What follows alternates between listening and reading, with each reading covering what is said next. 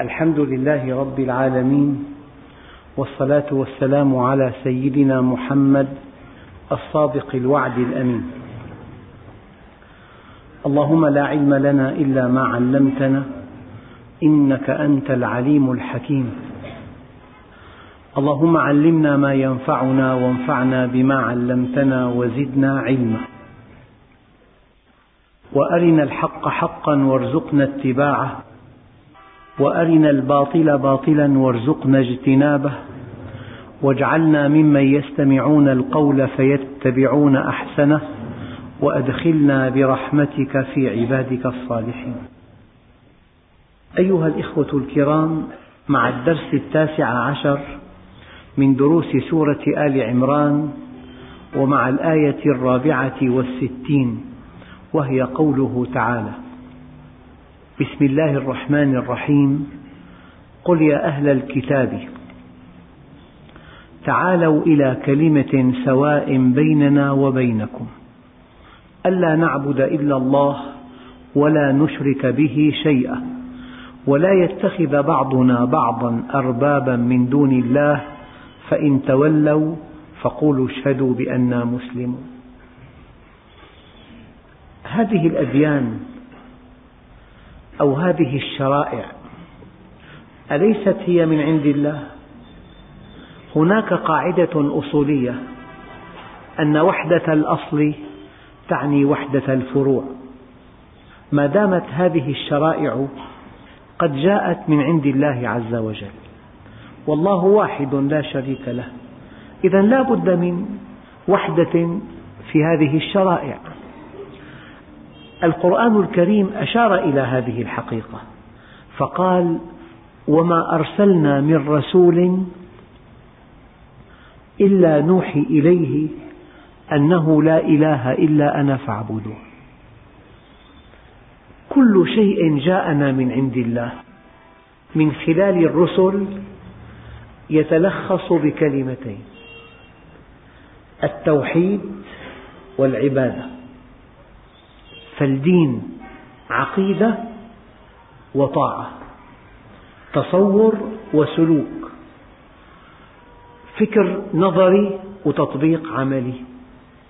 وما أرسلنا من رسول إلا نوحي إليه أنه لا إله إلا أنا فاعبدون.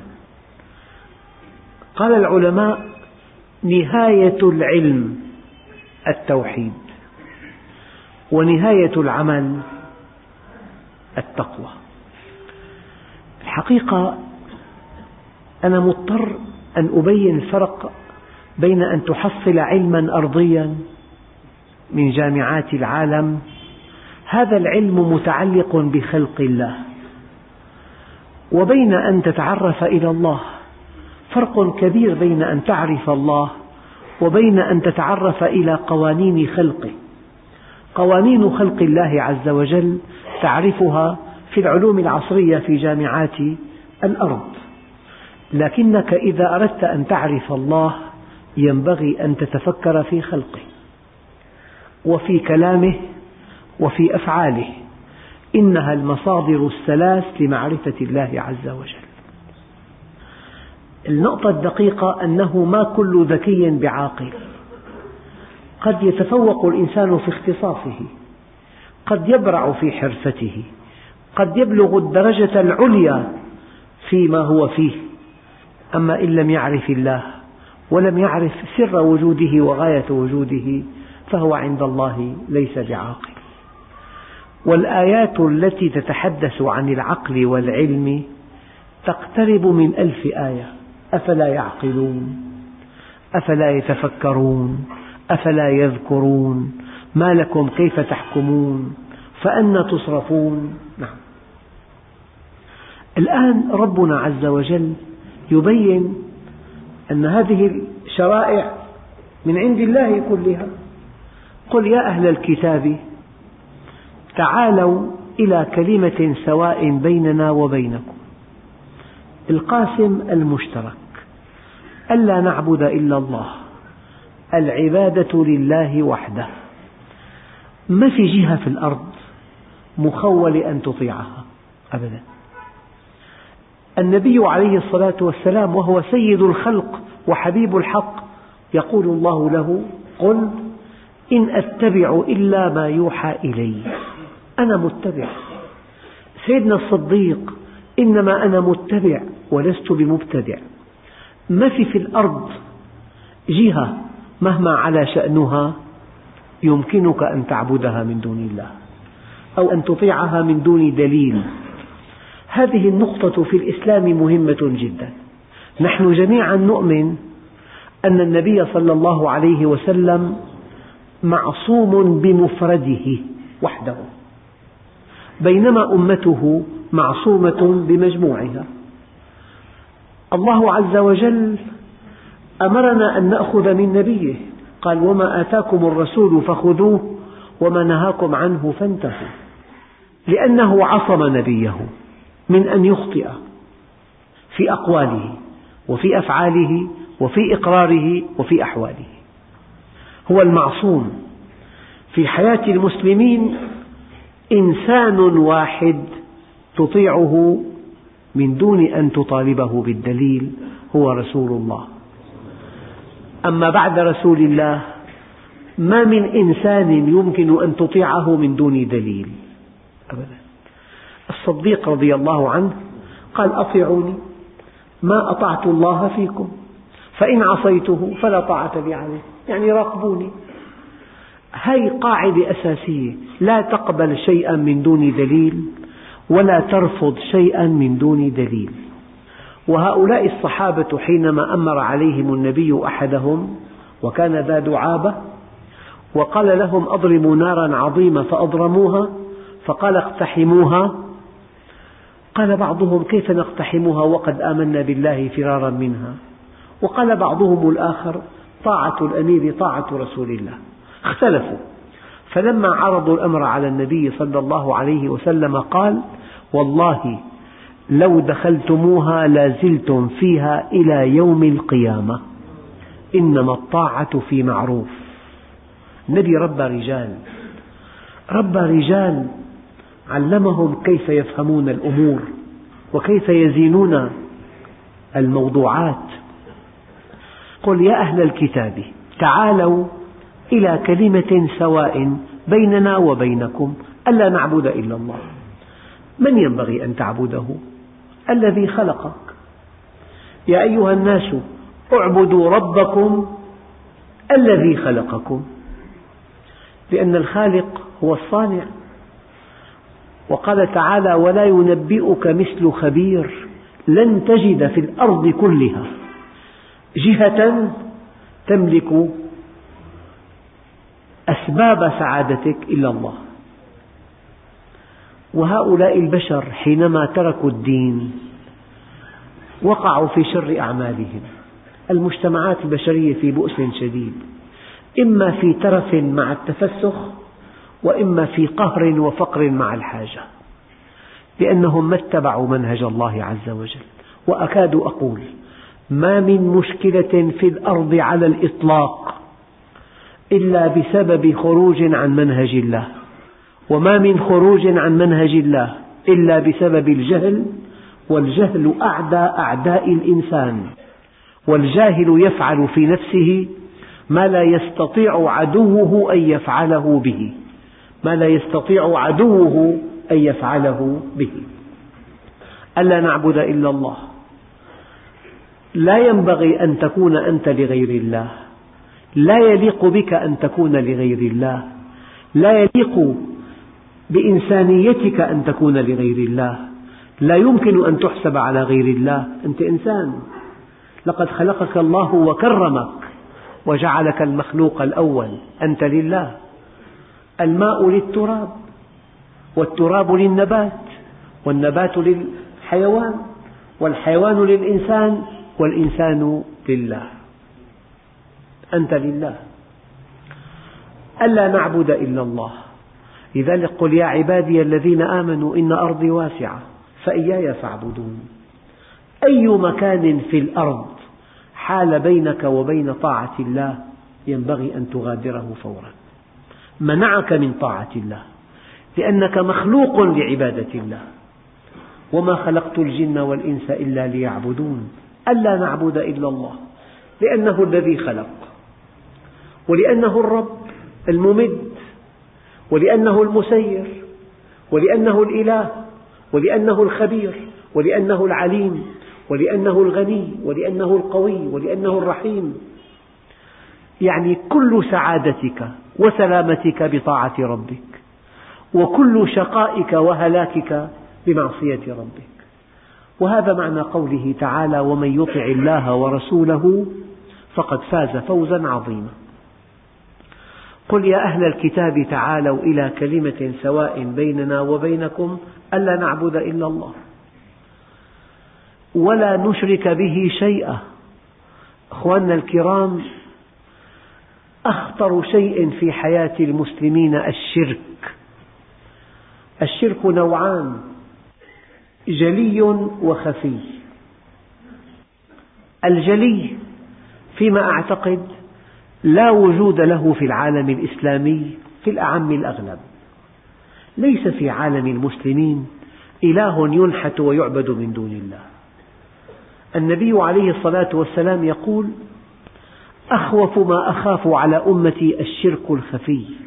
أما إني لست أقول إنكم تعبدون صنما ولا حجرا ولكن شهوة خفية وأعمال لغير الله. شهوة خفية وأعمال لغير الله. إذا الشيء الخطير هو الشرك الخفي. وما يؤمن أكثرهم بالله إلا وهم مشركون.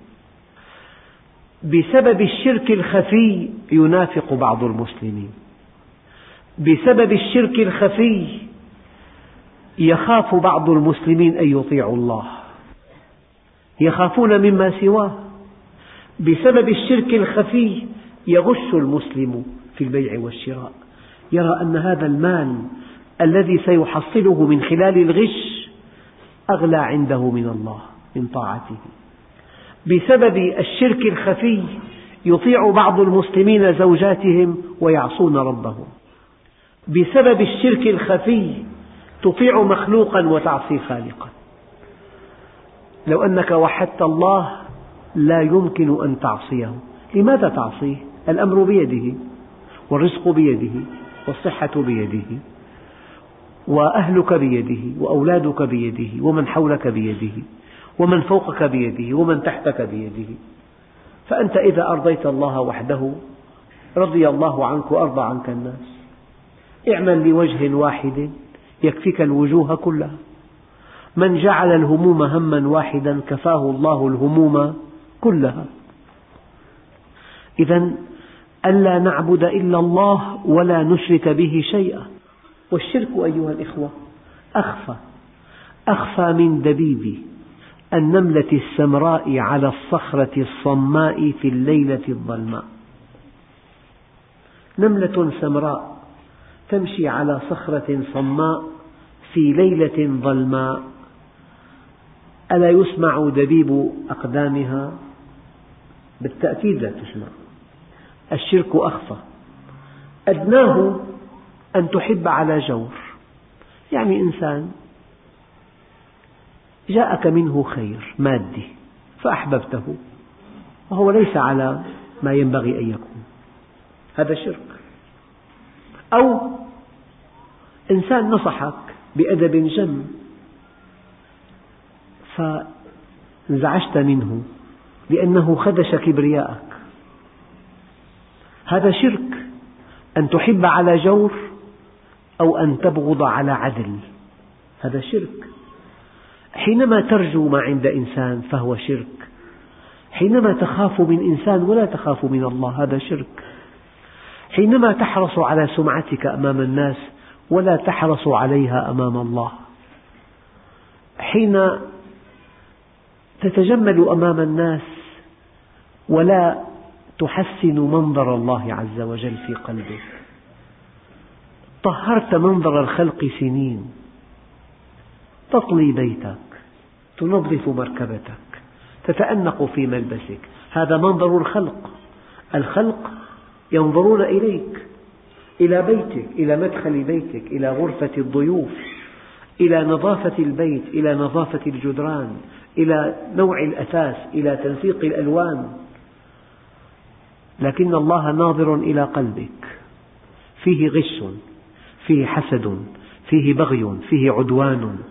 فيه لؤم فيه كبر فيه غطرسة.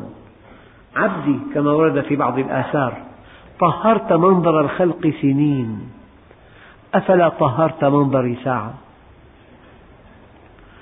أن ترجو غير الله أن تخاف من غير الله أن تعطي لغير الله أن تمنع لغير الله ألا تغضب لله ألا ترضى لله. فهذا شرك. وهذا هو الشرك الخفي وهذا ما تعنيه الآية الكريمة وما يؤمن أكثرهم بالله إلا وهم مشركون نعوذ بالله من الشرك الخفي.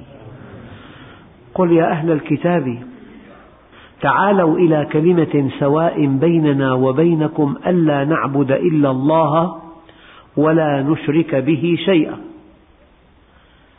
ولا يتخذ بعضنا بعضا أربابا من دون الله.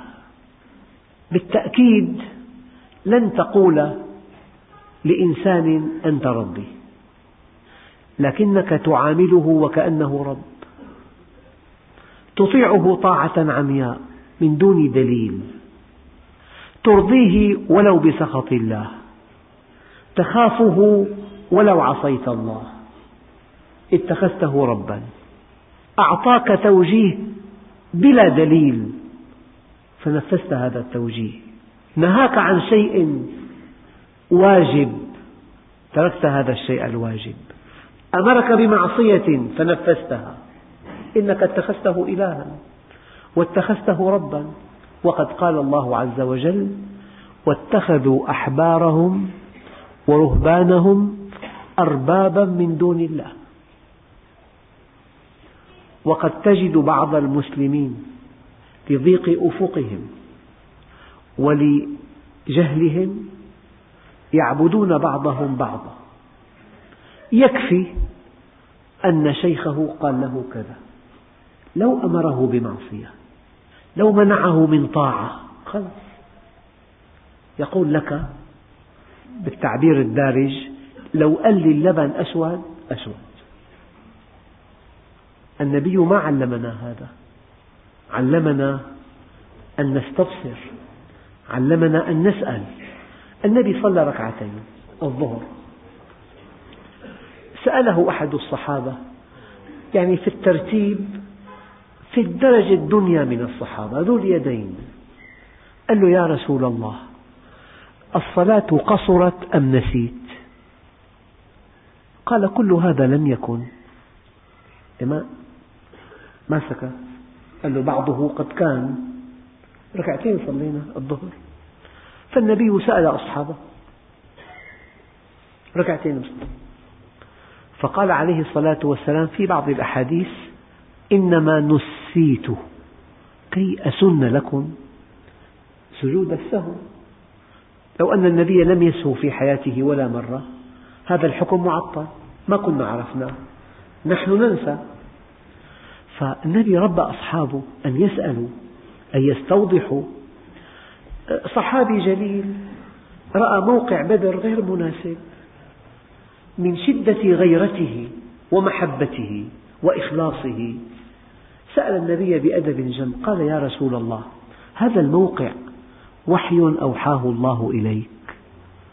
يعني إذا كان وحيا ولا كلمة أم هو الرأي والمشورة؟ فالنبي قال له لا هو الرأي والمشورة قال والله يا رسول الله ليس بموقع. يخاطب من؟ يخاطب سيد الرسل. يخاطب سيد الأنبياء. يخاطب الذي يوحى إليه. يخاطب المعصوم. فالنبي عليه الصلاة والسلام بخلق رفيع. قال أين الموقع المناسب؟ فدله عليه. قال جزاك الله خيرا. وأعطى أمرا لأصحابه بالتوجه. يعني المؤمن الصادق يغار على سمعة المسلمين يسأل يستفهم يستوضح ينتقد نقدا بناء يعترض أحيانا لأن الله هو قصده. أما إذا كانت الدنيا قصده ومصالحه مؤمنة بسكوته يسكت. إذا كانت الدنيا قصده ومصالحه تتحقق بسكوته فتراه يسكت. أما إذا كان الله قصده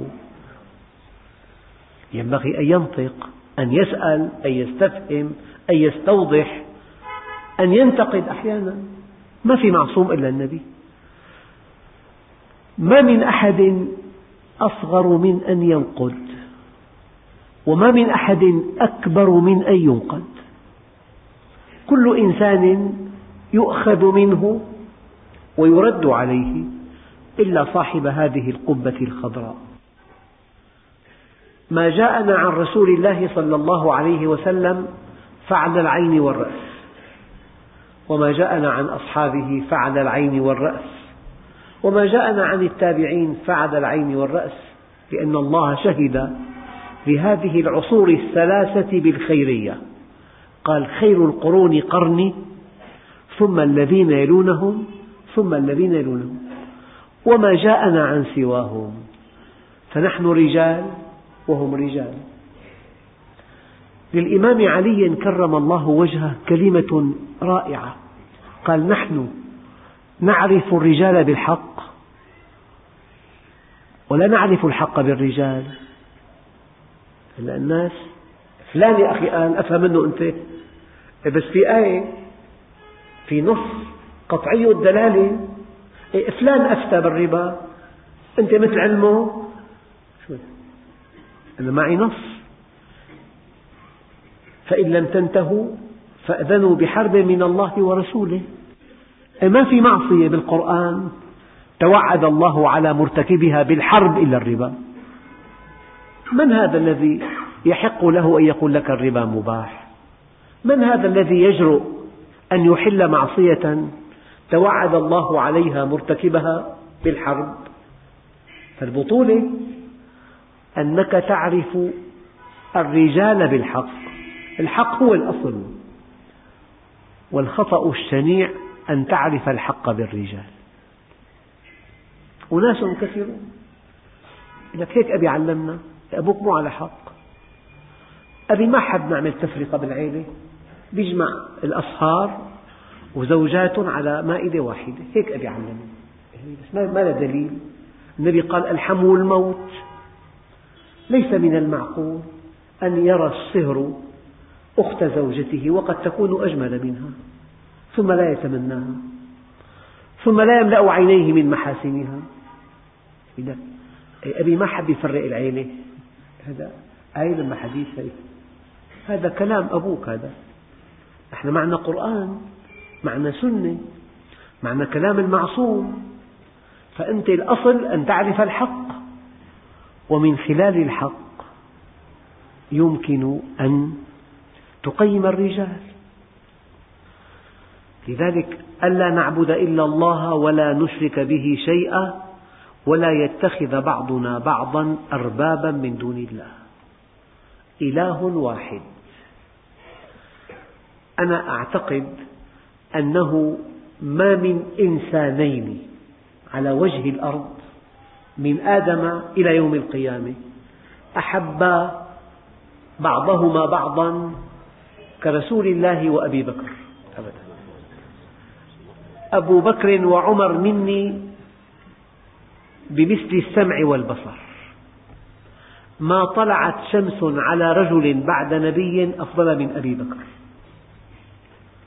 ومع ذلك لما مات النبي عليه الصلاة والسلام ماذا فعل الصديق؟ دقق. قال من كان يعبد محمدا فقط محمدا ما رسول الله. فإن محمدا قد مات. ومن كان يعبد الله فإن الله حي لا يموت. التوحيد ما تعلمت العبيد أفضل من التوحيد. سيدنا عمر سيدنا خالد انتصر. وانتصر وانتصر فتوهم المسلمون أنه ما من معركة يقودها خالد إلا انتهت إلى النصر. فخاف عليهم الشرك فعزل خالد سيدنا خالد؟ تألم. قال له يا أمير المؤمنين لم عزلتني؟ قال له والله إني أحبك. قال لم عزلتني؟ قال والله إني أحبك. فسأله مرة ثالثة لم عزلتني؟ قال له والله ما عزلتك يا ابن الوليد. إلا مخافة أن يفتتن الناس بك لكثرة ما أبليت في سبيل الله.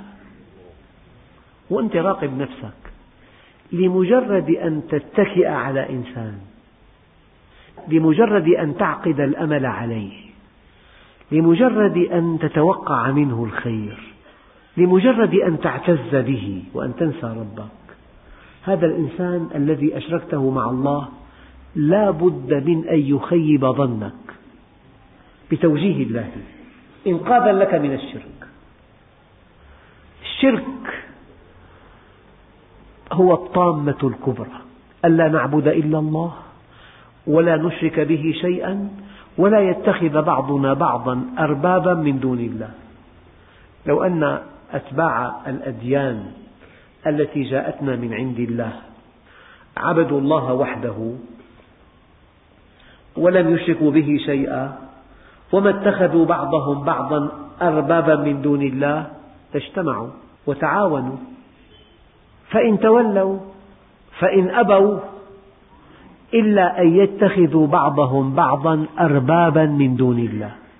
فإن أبوا إلا أن يشركوا. إن أبوا إلا أن يعبدوا غير الله. فإن أبوا إلا أن يشركوا بالله. إن أبوا إلا أن يتخذوا بعضهم بعضا أربابا من دون الله.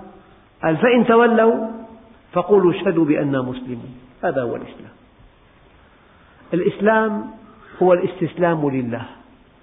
والذي يلفت النظر في القرآن الكريم أنه ما من نبي في القرآن إلا وقد وصف بأنه مسلم. أبدا. بل إن فرعون حينما أدركه الغرق قال إني من المسلمين. الإسلام بالمعنى الواسع لا بالمعنى الذي يعني أن هذا الدين الذي جاء به النبي عليه الصلاة والسلام. بالمعنى الواسع الاستسلام لله. والآية الدقيقة إن الدين يعني أصل الدين عند الله الإسلام أن تستسلم لله. وألا تعبأ بمن دونه.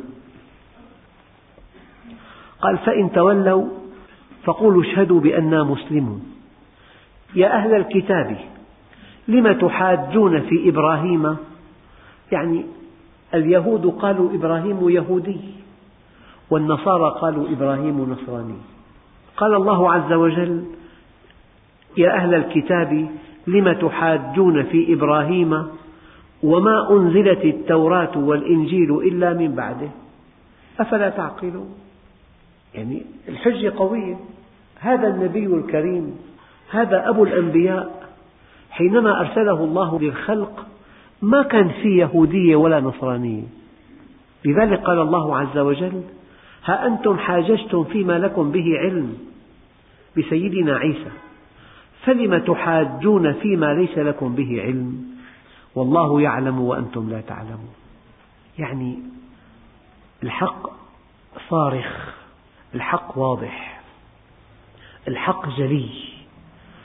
فحينما ترى كلاما لا ترتاح له ولا يتفق مع الفطرة السليمة ولا مع العقل الصريح ولا مع النقل الصحيح ولا مع الواقع الموضوعي هذا باطل. الحق ما جاء به النقل الصحيح وأيده العقل الصريح وارتاحت إليه الفطرة السليمة وأكده الواقع الموضوعي. هذا هو الحق. يا أهل الكتاب لم تحاجون في إبراهيم وما أنزلت التوراة والإنجيل إلا من بعده؟ أفلا تعقلون؟ ها أنتم هؤلاء حاججتم فيما لكم به علم فلم تحاجون فيما ليس لكم به علم؟ بعضهم قال لي صديق كان من أعظم الناس في عيني وكان رأس ما عظمه في عيني صغر الدنيا في عينيه النص طويل إلى أن قال وكان لا يدلي بحجة إلا إذا رأى قاضيا فهما وشهودا عدولا. وكان خارجا عن سلطان الجهالة فلا يتكلم بما لا يعلم ولا يماري فيما علم. المسلمون أي مسلم لا فهم كتاب الله ولا قرأ كتاب الله ولا اطلع على حديث رسول الله ولا فهم أحكام الفقه. لكن لك سمعت ندوة من فضائية يعني يقبل على مزاجه ويرفض على مزاجه ويقيم على مزاجه. وكأن الحديث في الدين كلأ مباح لكل الناس. من يجرؤ أن يكتب على بيته الدكتور فلان اختصاصي في أمراض القلب وهو أمي لا يقرأ ولا يكتب. ماذا يفعلون به؟ يضعونه في السجن. من يجرؤ أن يكتب المهندس فلان؟ وهو جاهل. من يجرؤ أن يكتب المحامي فلان؟ وهو جاهل. هناك محاسبة ومساءلة لكن كل واحد من دون أن يطلب العلم من دون أن يقرأ القرآن من دون أن يفهم القرآن من دون أن يقرأ سنة النبي العدنان من دون أن يفهمها من دون أن يفهم أحكام الفقه من دون أن يعرف أصول العقائد يتكلم في الدين. فيقبل ويرفض ويقيم ويطعن ويمدح مرتاح. أي علم حصلته حتى تتكلم بهذا الكلام؟ لا بد من أدب مع الله. اطلب العلم يعني بربكم. الآن في بالبلد مجلات طبية كثيرة. يعني إذا واحد اشترى عدة مجلات وقرأ. قرأ بكل مجلة مقالتين ثلاثة.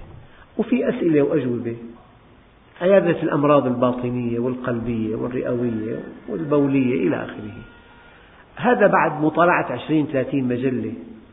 وقرأ مقالاتهم وقرأ السؤال والجواب. يكون طبيب. هذا والله حال المسلمين اليوم. يعني سمع خطبة قرأ كتاب قد يكون في دس لا يعلمه إلا الله. سمع ندوة من إنسان باع دينه بدنياه. ما له منضبط. فيقبل ويرفض ويزكي ويقبح ويطعن. يقبل على مزاجه ويرفض على مزاجه. هكذا.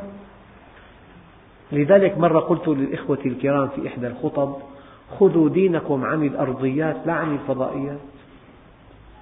لأن الذين يعني يتحدثون في بعض هذه الفضائيات ينسجمون مع مموليها وينسجمون مع أن تتسع رقعة شعبيتهم على حساب دينهم على حساب دينهم. كل شيء صار حلال.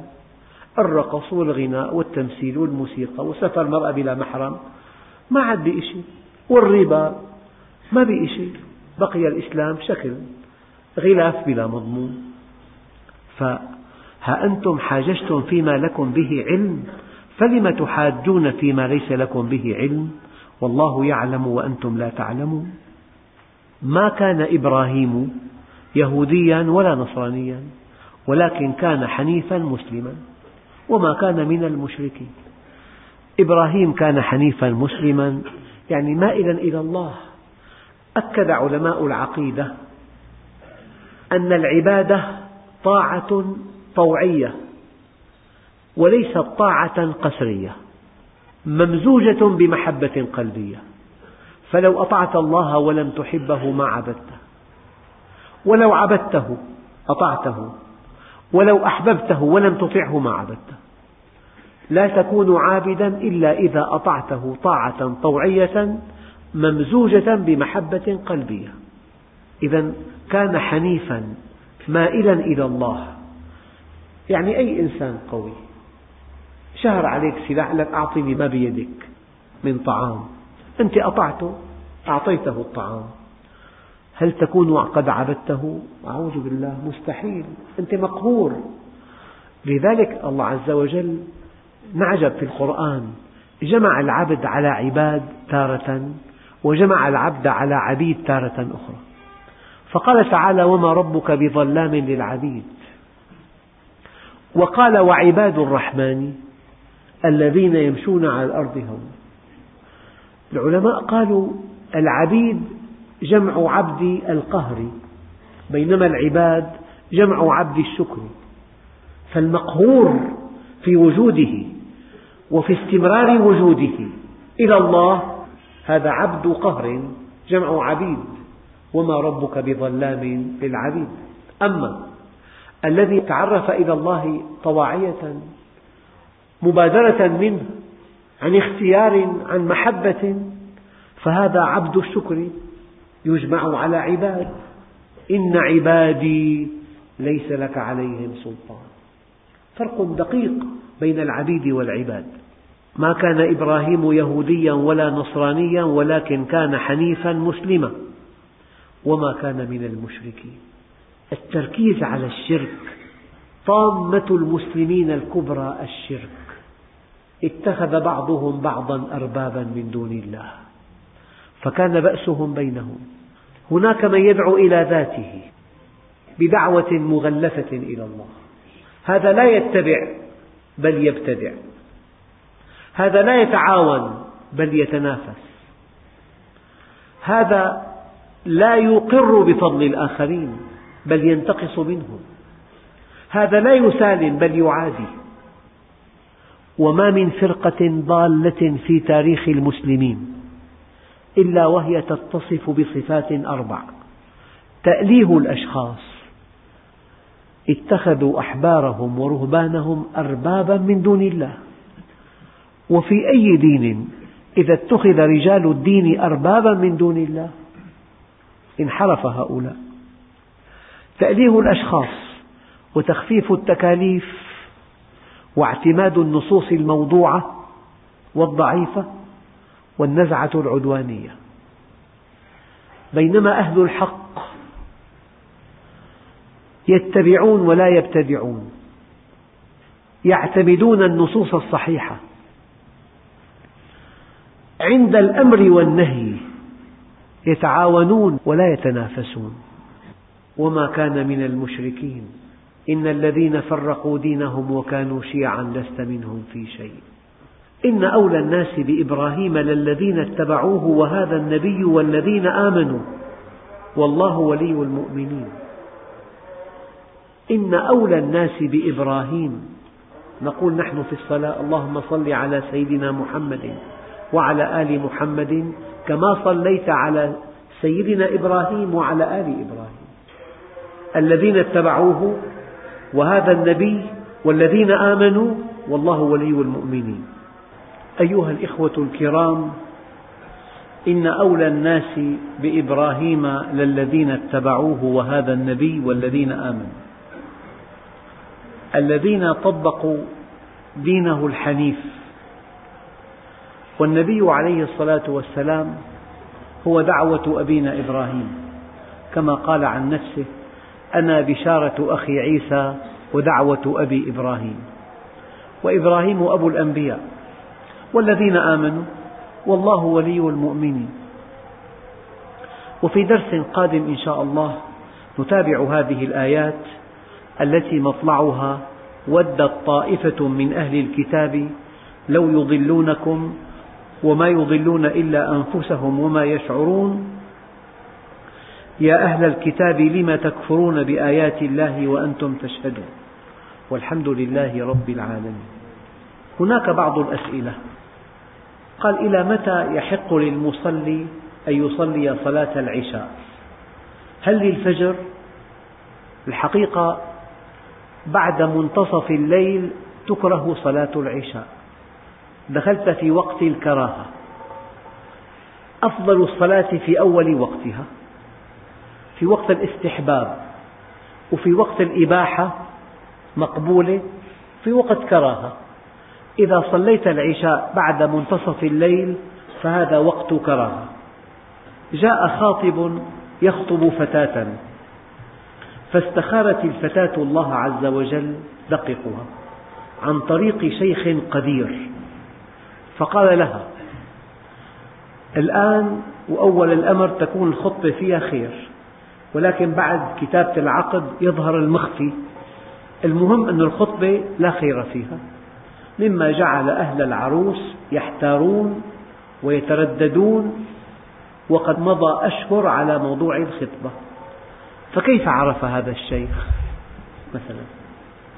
الشيء الثابت أن النبي عليه الصلاة والسلام سن لنا صلاة الاستخارة ولم يرد عنه أبدا أن أحدا استخار عن أحد. لا أحد يستخير عن أحد. لك عند الله المكان نفسه. تصلي ركعتين وتقول اللهم بعلمك وقدرتك. إن كان في هذا الأمر خير لي في ديني ودنياي وعاقبة أمري فيسره لي. بيقول لك إيه أنا استخرت الله فتحت المصحف ما لقيت في آية مشجعة. من قال لك إن فتح المصحف هو جواب الله عز وجل؟ من قال لك ذلك. قضية فتح المصحف وقضية أنه شفت بمنامي شيء جميل جدا شفت حالي أمام هيك نور. الرد الإلهي إذا استخرت الله في شيء وأراده الله لك وأنت صادق يسره لك. الرد الإلهي هو التيسير فقط. التيسير فقط. أما أن نكلف شيخ يستخير إلي ما ورد هذا عن رسول الله أبدا.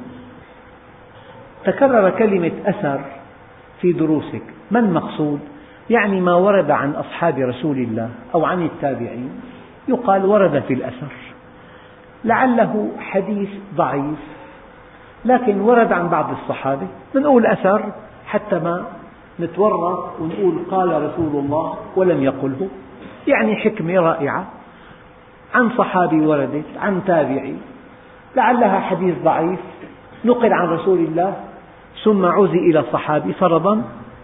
فأقول أنا ورد في الأثر هذا اسمه صيغة تمريض بعلم الحديث صيغة تمريض كلام لطيف حكمة رائعة لكن لم ترد عن رسول الله آه، يقينا يقينا. والحمد لله رب العالمين.